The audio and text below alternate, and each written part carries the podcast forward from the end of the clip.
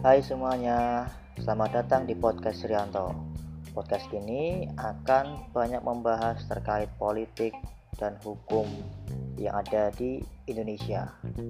Nah, bagi kalian nih, generasi muda, generasi milenial, generasi penerus bangsa, wajib dengarkan podcast ini karena akan ada banyak manfaat untuk kalian yang tentunya kalian akan semakin tahu tentang hukum Indonesia.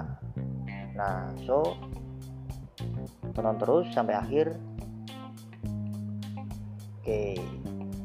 Sesuai dengan janji saya, di sini saya akan membahas terkait politik dan hukum di Indonesia yang ditinjau dari sudut pandang generasi milenial. Sebagai generasi penerus bangsa, kalian para generasi milenial harus tahu tentang hukum di Indonesia Nah, kenapa kalian harus tahu? Kenapa kalian wajib tahu? Karena dengan kalian tahu, maka akan ada banyak manfaat yang bisa kalian dapatkan yang nanti akan berguna untuk kalian tidak hanya hari ini, tapi besok dan seterusnya. Nah, yang harus kalian perhatikan jika kalian memahami terkait hukum di Indonesia, apa yang harus kalian lakukan? Yang pertama, kalian harus tahu atau kalian harus melek terhadap hukum Indonesia. Ya, walaupun secara apa yang kita rasakan saat ini hukum Indonesia mungkin belum sepenuhnya sehat, ya it's bukan masalah. Ya, kalian sebagai generasi muda paling tidak tahulah ya kondisi hukum di Indonesia seperti apa. Makanya yang pertama harus kalian pahami adalah harus melek terhadap hukum saat ini. Tujuannya jelas untuk kalian agar kalian tahu peraturan walaupun tidak secara spesifik. Artinya peraturan-peraturan yang lingkupnya bisa di sekitar kalian. Jadi tidak harus tahu seluk-beluk peraturan secara lengkap secara rinci. Bukan masalah.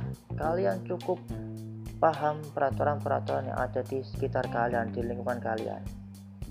Karena peraturan-peraturan itu yang akan buat kalian paham dan akan menjadi semakin paham jika kalian lebih banyak mengupas tuntas hukum-hukum yang lain. Jadi kalian akan semakin tahu. Namun untuk podcast ini kalian cukup tahu aturan-aturan yang ada di lingkungan kalian saja. Kemudian, kalian tidak mudah tertipu atau terhindar dari tindak penipuan. Nah, ini penting. Ya, ini penting untuk kalian. Kalau kalian tidak tahu tentang hukum, buta tentang hukum, maka kalian akan mudah ditipu oleh orang lain, mudah kena penipuan.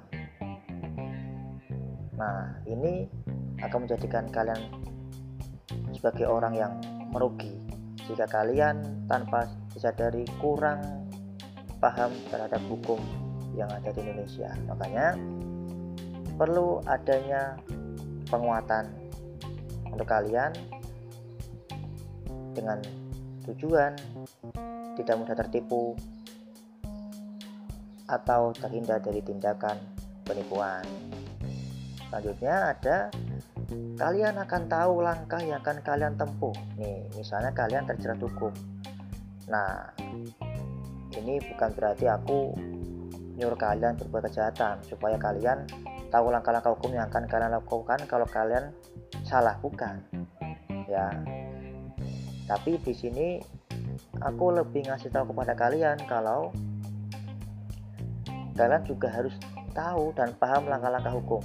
Makanya dengan kalian melek terhadap hukum, tahu terhadap hukum, maka kalian akan tahu dan menjadikan kemudahan ketika atau suatu saat nanti terjadi musibah kepada kalian terkait hukum. Ya, itu. Sekali lagi ini aku nggak ngajarin kalian untuk berbuat salah, tapi memberikan penguatan kepada kalian supaya tetap berhati-hati dan selalu waspada. Ini hanya sebagai penguat untuk kalian saja. Nah setelah tadi harus melek tentang hukum atau terhadap hukum. Selanjutnya ada di sini yaitu banyak mengikuti pemberitaan tentang hukum di media sosial ataupun di televisi ataupun di media lain. Kalian punya gawe, kalian menggunakan gawe untuk kegiatan sehari-hari, kegiatan pribadi, itu artinya kalian tidak akan lepas dari gawe dan di dalamnya juga ada media sosial. Itu jelas. Dan kalian pun juga pasti punya lebih dari satu atau dua bahkan tiga media sosial yang ada di dalam HP kalian. Dan kalian gunakan semuanya untuk kebutuhan kalian sehari-hari. Nah sekarang ubah pola pikir kalian yang dulunya hanya untuk main game komunikasi sekarang lebih banyak gunakan untuk mengikuti pemberitaan yang ada di medsos atau media sosial Hal ini akan menjadikan penting bagi kalian jika kalian mengikuti ini dengan baik. Apa tujuan aslinya?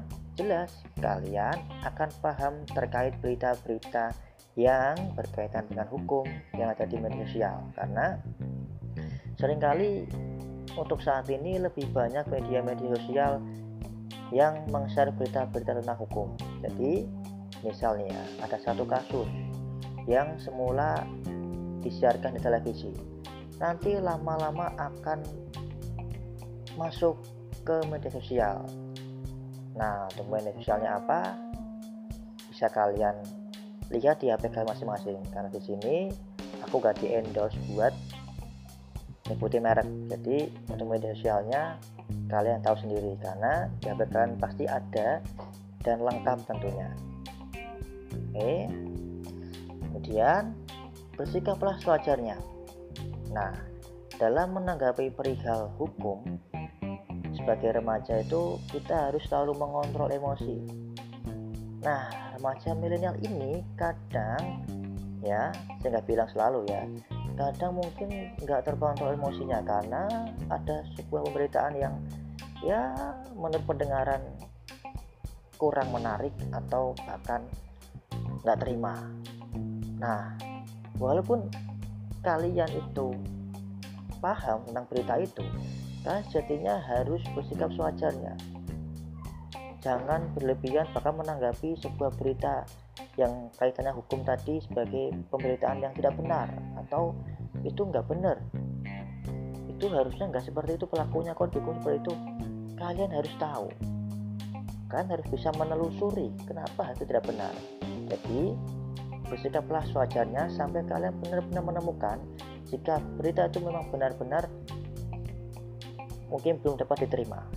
Jadi, tetap jaga sikap, pelajari seperlunya, maka kalian akan paham dengan sendirinya. Oke, itu beberapa hal, beberapa penguatan untuk kalian terkait apa yang harus kita lakukan terhadap hukum-hukum di Indonesia secara garis besar. Nah, ini baru podcast pertama. Nanti akan aku lanjutin di podcast berikutnya yang mungkin akan membahas lebih lanjut terkait hukum di Indonesia yang ada kaitannya dengan kalian para generasi milenial. Entah itu berupa hukum di lingkup kecil atau hukum di lingkup yang lebih luas. Nanti akan aku bahas di podcast berikutnya. So, tonton terus podcast yang ini. Nanti di podcast berikutnya akan lebih manfaat untuk kalian. Tentu saja akan menambah ilmu dan wawasan. Oke, itu saja dari aku. Mungkin ada ya kata-kata yang kurang berkenan dari awal hingga akhir. Mohon dimaafkan. Oke, sampai jumpa.